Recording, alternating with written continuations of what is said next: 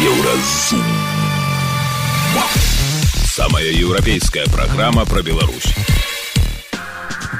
Вітаю, гэта праграма Еўразум. І самыя важныя падзеі сэнсы панядзелка 6 лістапада. Як Лукашенко рыхтуецца да лютаўскіх выбараў. Улады вельмі моцна баяцца, баяцца гэтых выбараў, бо адсутнічае зваротная сувязь паміж э, уладамі і грамадствам і ўлады проста не ведаюць, што адбываецца.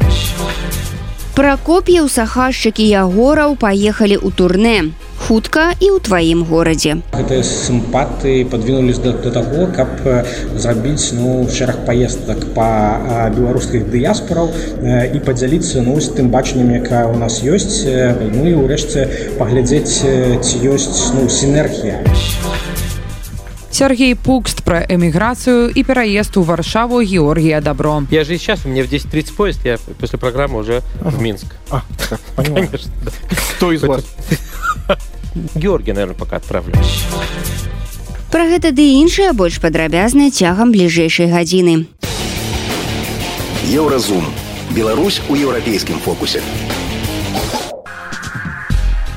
Надоечы старшыня ЦВК Ігар Карпенко попрасіў міністэрства ўнутраных спраў і мінабароны паставіць заслону знешняму умяшальніцтву ў перыяд электаральных кампаній. Гэта была цытата. Бліжэйшыя выбары ў Беларусі адбудуцца 25 лютага наступнага года, то бок праз тры з паловай месяцы. Падчас іх рэжым прызначыць чарговых дэпутатаў у так званы парламент і мясцовыя органы ўлады. Але на думку палітолага Валерыя Карбалевіча пад падобна на тое, што адзіны дзень галасавання ў лютым будзе выглядаць не як выбары, а як вайсковая аперацыя. Што ў гэтым дзіўнага? Слухаем. Па нармальнай логіцы кіраўнік цэнтра выбаркама павінен быў бы тлумачыць выбарчае заканадаўства, сустракацца з некім партыйным актывам, па менавіта партыі ва ўсім свеце галоўныя суб'екты выбарчай кампаніі.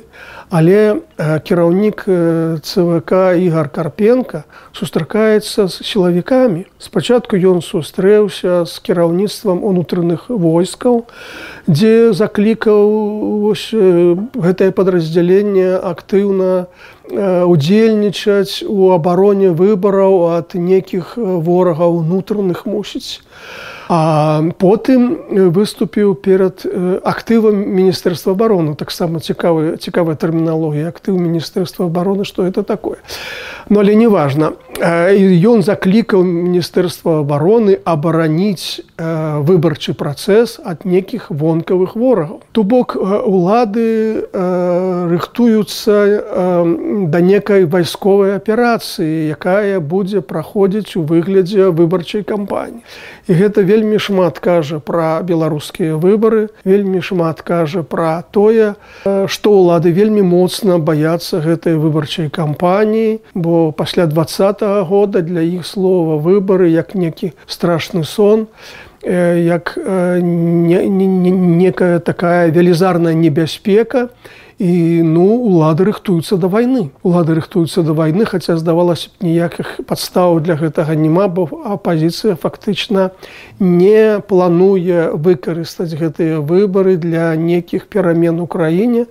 Як сказала Святлана ціхановская мы ў выбарах па лукашэнкаўскі не ўдзельнічаем замест іх мы праводзім свае выбары ў каардынацыйную раду тым не менш улады вельмі моцна баяцца і баяцца гэтых выбараў бо адсутнічае зваротная сувязь паміж уладамі і грамадствам і ўлады просто не ведаюць што адбываецца насамрэч у асяроддзі народа ў асяроддзі грамадства і таму пужаюцца і таму звяртаюцца да сілавых структур і рыхтуюцца да гэтай кампаніі як для да вайсковай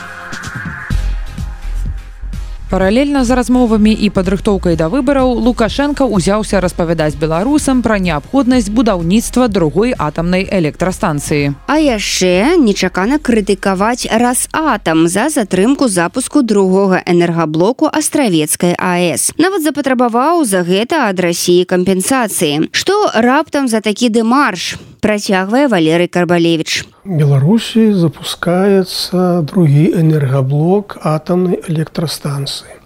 Это важная падзея як эканамічнага так і палітычнага жыцця. Але звяртае на сябе ўвагу іншы чыннік. Лукашенко падчас нарады по гэтаму пытанню выказаўся на тэму аб тым, што расійская кампанія Росатам павінна кампенсаваць Беларусі грашыма тыя затрымкі з рэалізацыі гэтага праекту, якія адбыліся і якія ну, за некалькі год гэтая затрымка то бок не паводле плану ішло будаўніцтва не паводле праекту з вялікімі затрымкамі і лукашенко вінаваціць у гэтым расійскую кампанію росатам а у адказ расейцы заявілі што няма ніякіх невырашаных праблем і ўвогуле была надрукавана запіска ўрада мінфіна рассіі аб тым што менавіта па віне беларускага боку адбываліся гэтыя затрымкі. і не была уведзена у час вось і першы і другі энергаблок. А то бок фактычна ну, за два апошнія гады такі можа першы выпадак, калі разнагалоссі паміж Масквой і Менскам выйшлі на публічную плашчыню і сталі элементам скажем так палемікі. Гэта адбываецца таму, што беларуска-расійскія эканамічныя дачыненні яны не зусім рынкавыя, не зусім камерцыйныя. Там вельмі вялікі чыннік палітыкі адыгрывае. То бок усякія рыначныя адносіны трэба, улічваць з каэфіцыентам саюзнае саюзніцтва саюзнай дзяржавы то бок вось гэты каэфіцыент ён палітычны ён накладвае свой адбітак на ўсе камерцыйныя праекты двухбаковыя але лукашенко падчас нарады узгадаў яшчэ дзве праблемы. Першая праблема это праблема бяспекі. Дзіўна тое што вось гэтая станцыя якая ўжо працуе з два -го года нібыта але працуе палову свайго часу а палову просто прастойвае. Як кажуць улады спыняюцца на прафілактыку у чым прычына до конца не зразумела ці ёсць праблемы з бяспекай ці ёсць э, праблемы э, скажем так с э, лішкамі э, электраэнергіі. І гэта яшчэ одна праблема якая абмяркоўвалася падчас нарады. То бок высветлілася што станцыю пабудавалі а што рабіць з лішкамі электраэнергіі незразумела Таму што на экспорт адпраўляць яе не атрымоўваецца, бо Беларусю вострым канфлікце з суседзямі, Таму ж Беларусь пад санкцыямі, паспрабаваць спыніць э, тыя цеплавыя электрастанцыі, якія працуюць на расійскім газе. таксама не атрымаецца, бо яны павінны быць увесь час у рэзерве, бо, сама атамная станцыя патрабуе перыядычнай прафілактыкі і на час калі гэтая прафілактыка будзе дзейнічаць то трэба неяк задзейнічаць іншыя станцыі ну і яшчэ можна сказаць што калі б эканоміка развівалася хутка калі прамысловасць развівалася хутка то яна паглынула гэтыя лішкі электраэнергіі але сёння казаць пра некія хуткую развіццё эканомікі не выпадае. І атрымоўваецца што адзінае выйсце гэта перабудаванне эканомікі пад патрэбы атамнай станцыі. І вось дзіўна як атрымоўваецца. Замест таго каб э, э, атамная станцыя задавальняла патрэбы эканомікі атрымоўваецца наадварот эканоміка павінна перабудоўвацца пад патрэбы станцыі Ну што маецца на ўвазе пераход на электрамабілі, пераход на абаграванне жылля з дапамогай электрычнасці, а не э, газу і вады і гэтак далей. Ну але дзеля гэтага патрэбны велізарныя інвестыцыі якіх якіх у беларусі просто няма. Ну а лукашенко замахваецца яшчэ на тое каб пабудаваць яшчэ одну атамную электрастанцыю. Гэта вельмі дзіўна бо увогуле пытанне пра мэтазгоднасць такой станцыі пра яе эканамічную эфектыўнасць ну увогуле не выпадае. А атамная станцыя ўвогуле ніколі не акупіцца калі яшчэ ўлічваць тое што трэба будаваць сховішча для адкідаў. Это вялізныя ресурсы но гэта ўжо праз некалькі дзесяцігоддзяў гэта праблема паўстання но але ж яна паўстання Гэта быў палітолог Валерый Карбалевич. На YouTube-канале радыёвабода ён патлумачыў, чаму Лукашенко ўзяўся патрабаваць ад рассіі кампенсацыю за правал запуска БелАЭС і паразважаў наконт падрыхтоўкі да парламенцкіх выбараў у Беларусі. Еўрарадыё кропка FM. Далей у праграме еўразум. Пракоп'яў сахашчык і ягораў паехалі ў турне хутка і ў тваім горадзе. Гэтыя сімпаты падвінулись да, да таго, каб зрабіць ну, шэраг паездак па беларускіх дыяспораў і падзяліцца ну, з тым бачаннем, якая ў нас ёсць, ну і ўрэшце паглядзець ці ёсць ну, сінергія. Сергей Пукст про эмиграцию и проезд в Варшаву Георгия Добро. Я же и сейчас, у меня в 10.30 поезд, я после программы уже ага. в Минск. А, Конечно. Да. Кто из вас? Георгий, наверное, пока отправлю. Сустрэнемся пасля навінаў спорту. Еўразум. Беларусь у еўрапейскім фокусе.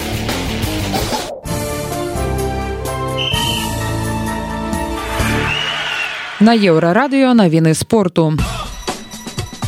Беларуска Арына Сабаленко ў паўфінале выніковага турніру ВТА прайграла польскай тэнісістцы Ізе Свёнтак 3626. У фінале турніру Свёнтак, якая займае ў рэйтынгу ВТА другое месца, будзе гуляць супраць пятай ракеткі свету амерыканкі Джесікі Пегулы. Калі Свёнтак пераможа, то яна верне сабе статус першай ракеткі свету па выніках гэтага года. Калі ж выйграе амерыканка, ранг першай ракеткі свету застанецца за Арынай Сабаленко.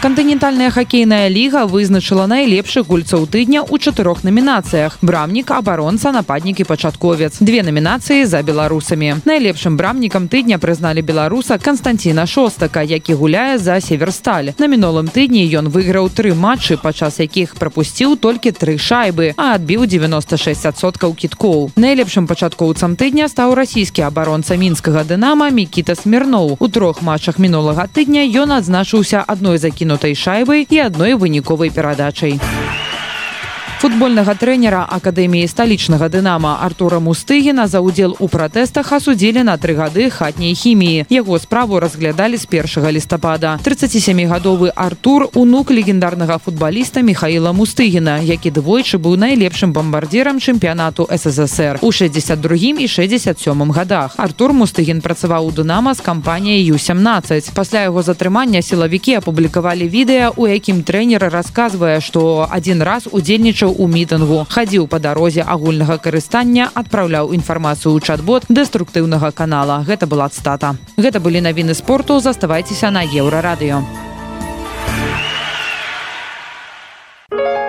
Еўрарадыё. Моц настрою Выбары 2020 года павінныя былі стаць самымі нуднымі ў беларускай гісторыі, а потым з'явіўся трыумвірат і вы памятаеце, што было далей. Хоць не. Самымі нуднымі ў беларускай гісторыі павінны былі быць выбары ў трэцяе скліканне каардынацыйнай рады. А потым не паверыце з'явіўся трыумвірат Вадзім пракоп'яў валерый сахашчыкі Андрэй ягораў праводзяць серыю сустрэч з беларускай дыяспорай за мяжой. Калі коротка вось што яны прапануюць на сустрэчах аб'яднацца і стварыць цэнтр сілы. То бок такую супольнасць беларусаў з гарызантальнымі сувязямі і празрыстай справаздачнасцю. Альбо так званую беларускую мафію толькі без крыміналу і перастрэлаў але з падаткамі і выбарамі. Тым каму не падабаецца слова мафія пракопіо прапануе назву диаспора юнайтед паспрабуем максімальна коротко патлумачыць што да чаго. 8 лютага дэлегаты другога склікання каардынацыйнай рады то бок беларускага протапарламенту складуць свае паўнамоцтвы і будуць новые новыя выбары каб абраць новых дэлегатаў. І вось перад тым як твараць цэнтр сілы ці беларускую мафію можна паўдзельнічаць у выбарах у каардынацыйную раду. Хаця б для таго каб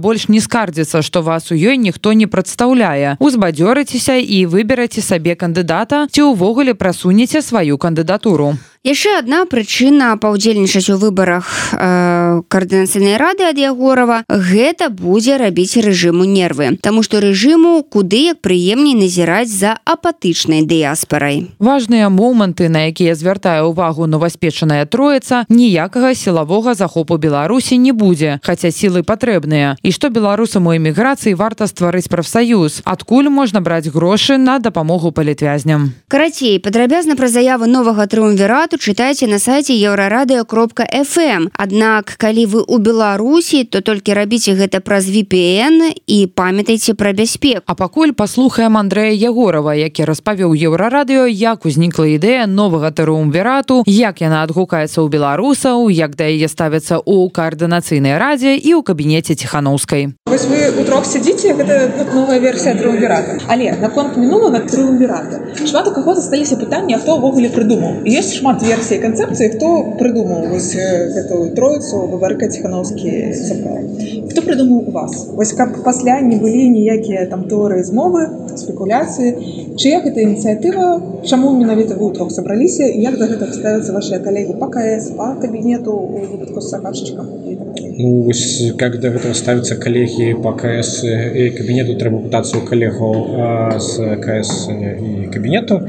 А, это склалось довольно спонтанно. А, ну, таки мы довольно там давно а, ведаем один одного и сустракаючись, обмерковуючись, мы бачили подобенство певных идей, які а, у нас есть, а, подобенство анализу ситуации, как бы, якой з'является.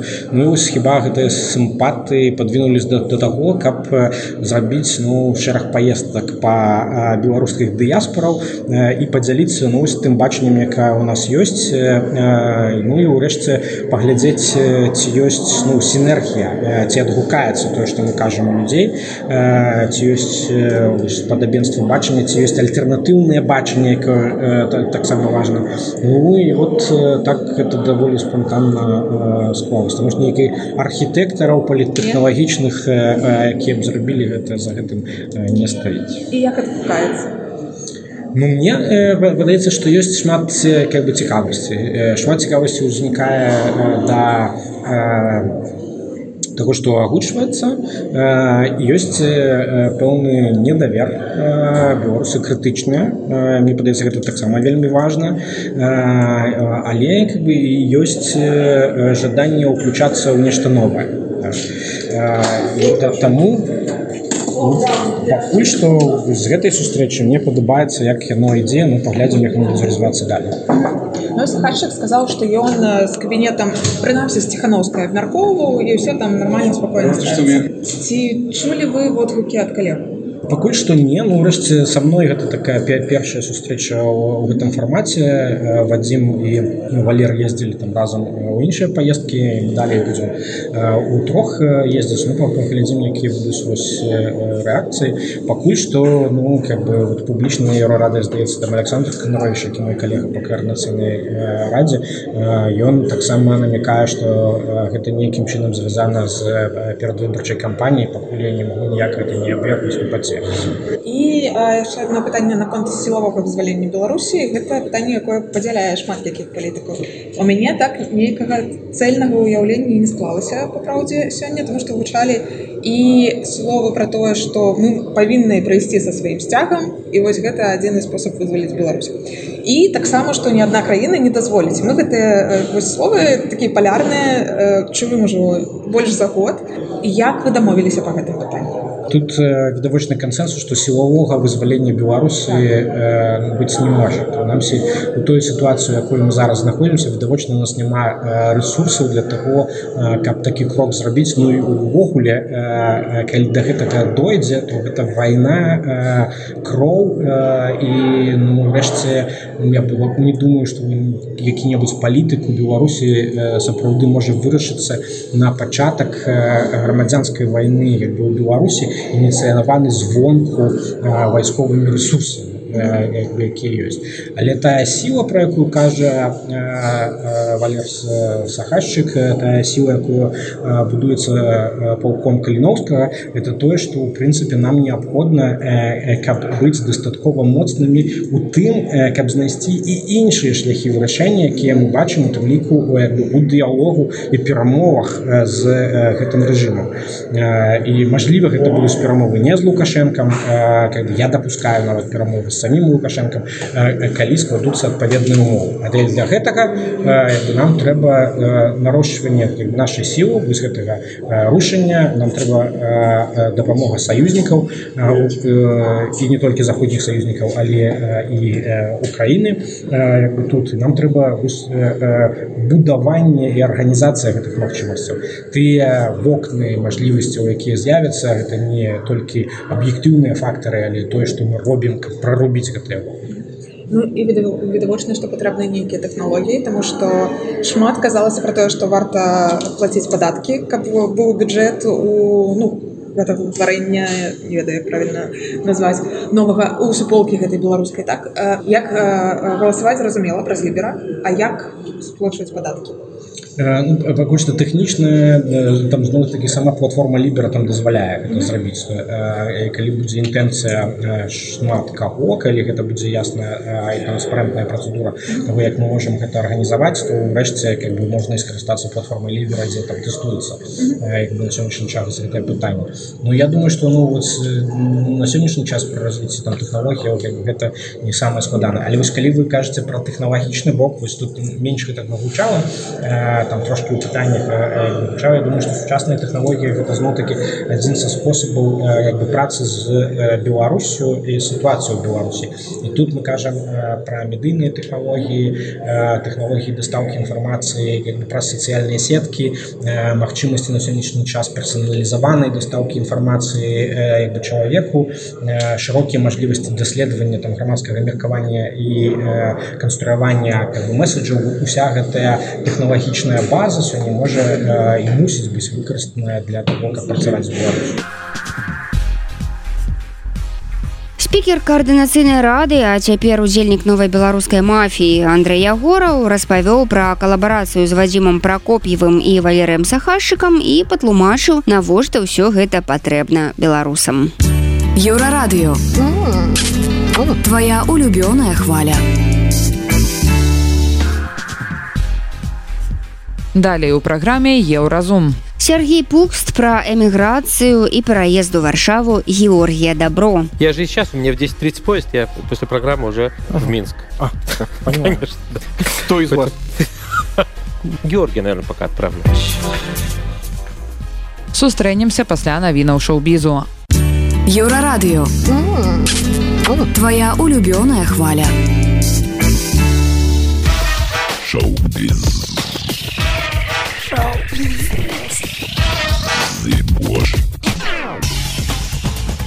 Навіны шоу-бізу на еўрарадыё. Зорка рэаліці шоу кортні кардашьян нарадзіла хлопчыка бубначу рок-гурта блінк 182 трэвісу баркеру паведамляе піпл са спасылкай на ўласныя крыніцы мадэль і музыка ажаніліся ў мінулым годзе шыкоўныя вяселле яны згулялі на беразе партафіна на тэрыторыі старажытнага замка. А ўжо ў чэрвені гэтага года кортні аб'явіла што цяжарная Новая версія крымінальнай драмы твар са шрамам, якая была анансаваная ў двадцатым годзе, пазбавілася рэжысёра. Заяўлены пастаноўшчыкам фільма Лука Гуаданіна пакінуў праект. Пра гэта сам італьянскі рэжысёр нядаўна расказал у інтэрв'ю. Я больш не працую над тварам са шрамам, заявіў ён. Замену рэжысёру пакуль не знайшлі. Сусветныя касавыя зборы фільма жахаў 5 начэй з фрэдзі у аснове якога серыя папулярных аднайменных відэагульняў перавысілі 200 мільёнаў долараў. Адбылося гэта ўсяго праз 9 дзён пасля рэлізу экранізацыі на вялікіх экранах. Такога ўражлівага поспеху стужцы удалося дабіцца пры умове адначасовай дэманстрацыі на стрымінгу пікок дзе яна таксама адзначылася рэкорднымі паказчыкамі на праглядах. Вытворчы бюджэт 5 начэй з фрэдзі ацэньваецца ўсяго ў 20 мільёнаў долараў. Такі Такім чынам проект ужо стаў вельмі прыбытковым для яго стваральнікаў і пацвердзіў высокі ўзровень зацікаўленасці гледачоў. Гэта былі навіны шоу-бізу, заставайцеся на еўрарадыё.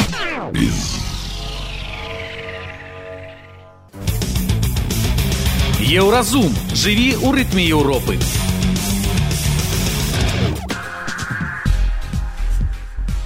Сергей Пукст адзін з самых яркіх беларускіх альтэрнатыўных музыкаў і перформараў. Аўтар праектаў Пукст Бэнд, Георгій Дабро, Трулітвін Біт, выкладчык англійскай мовы, сын беларускага савецкага кампазітара Рыгора Пукста. Сергей да апошняга заставаўся ў Беларусі, але як гэта апошнім часам здараецца з беларускімі творцамі, нават з тымі, хто не свяціўся на пратэстах, пакінуў радзіму. Пра гэта таксама пра пераезд свайго другога я, то бок расійскага шансон выканаўцы Георгія Дабро, Пукст паразважаў у шоу ноч Сергеем Чалым. Значит, я начну с признания.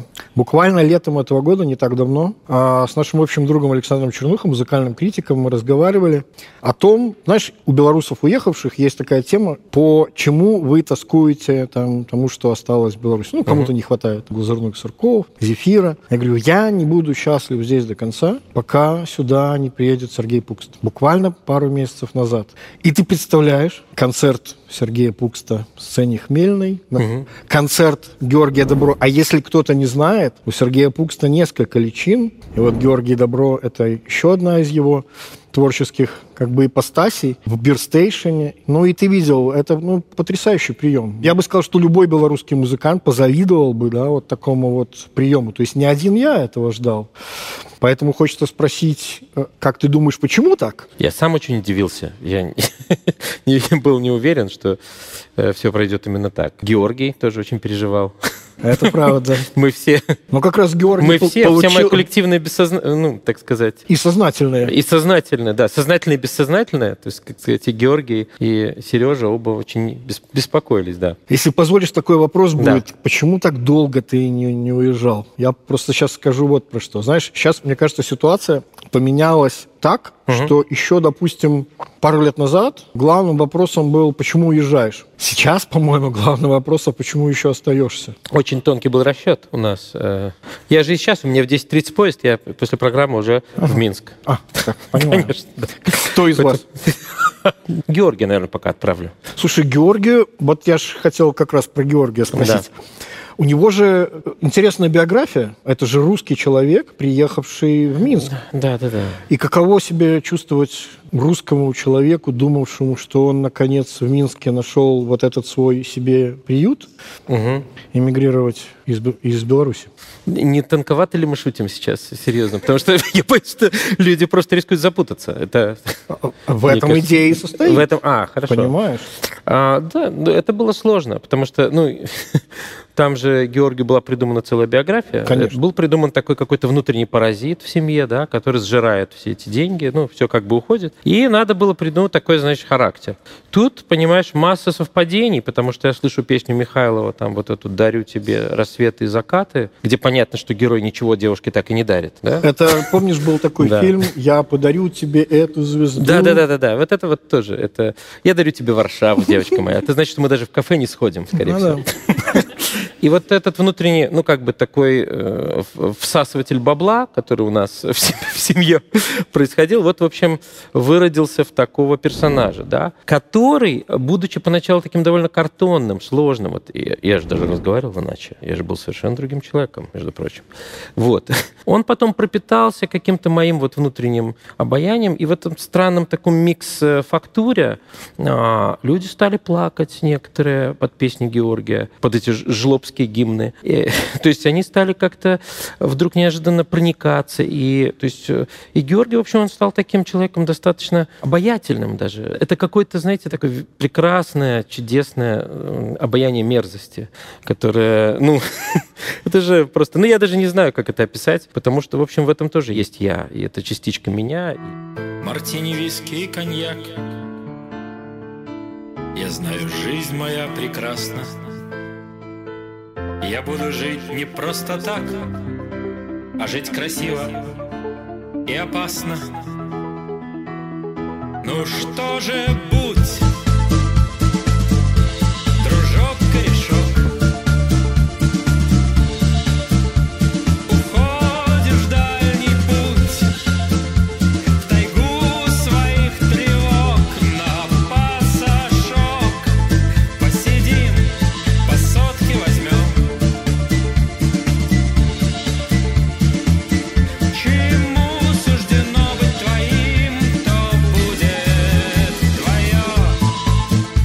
Знаешь, когда люди придумывают второго персонажа, они хотят ускользнуть от ответственности, от социального, ну, так сказать, долга. Я, да? я про это еще Да. спрошу. Это не я там Да, э, да. нассал Да. подъе- в подъезде, это Георгий. Это другой человек, да. А, То есть вот это вот другая вещь. Слово «нассать» проходит у вас, да? Вполне. Это же панк. Теперь э, мы уже не можем друг без друга. Сиамские близнецы. И э, во мне, так сказать, яростно расцветают вот эти вот нечистые кожистые крылья Георгия и наоборот. Працягваем слухаць размову Сергея Чалага з беларускім музыкам Сергеем Пукстам. Проект, который еще один, который, очевидно, как мне кажется, может быть, ты меня поправишь, просто был сделан потому, что ни Сергей Пукст, ни Георгий Добро не смогли бы так высказаться. Это True Litwin Beat, песня про Минск 19 года, которую я переслушивал. Убежал от городового, помимо того, что дорого в темноту отползают улицы, сука, родного города. Все эти люди нам неизвестны. Здесь был чистый совок, то есть чистое место. Феликс исправит белорусов горбатых, куропатки эти там, куропаты. В сталинском доме московский чекист. Кровь такой смоет, скажет, что ж город чист. Из ниоткуда Машеров возник И тут как бы случайно возник грузовик. Янка Купалов в Москву приезжал. С лестницы тоже случайно упал. На Луганке басит чей-то голос пушистый.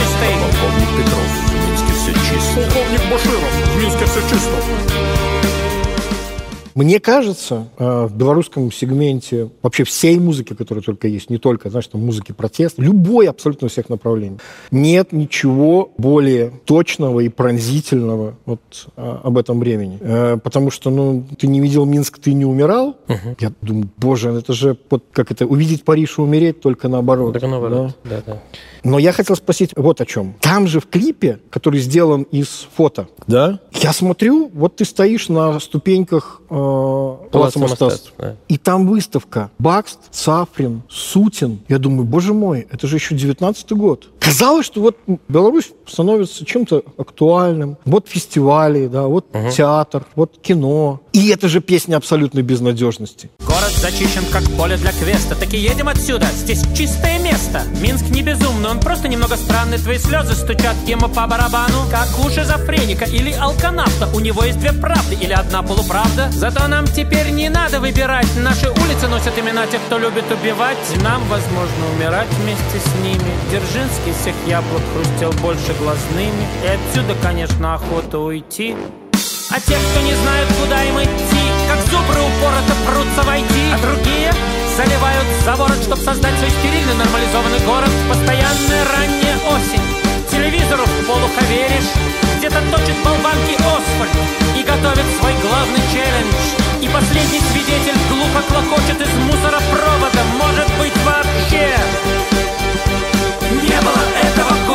Это художественное предвидение или, или что это? Все претензии к миру я тогда сконцентрировал и так э, ну, выразил. Потому что ведь на самом деле очень много странного, да, и э, у нас же вот этот как бы карамельный такой город, да, такой чистый там, ну все это. А ведь инвалидов нет, да, в городе. А чего? Смотрите, какой чистый город. Никогда нету. А, Что раздражает всегда в Европе? Вот самое мерзкое вообще. И здесь, кстати, в Варшаве тоже. Что всякие люди там одноногие какие-то, на костылях, на этих своих колясках, прутся, понимаешь, впереди тебя. А в Минске никого нет, нормально. Потому что нет инвалидов, правда? Да, конечно, их нет.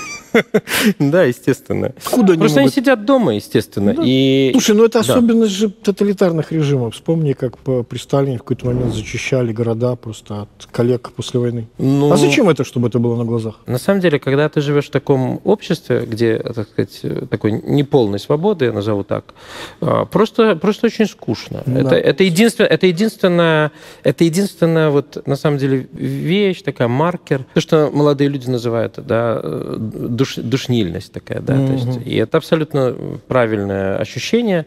А я тебе скажу простой, кстати, пример. Просто это единственная песня, за которую мне заплатили.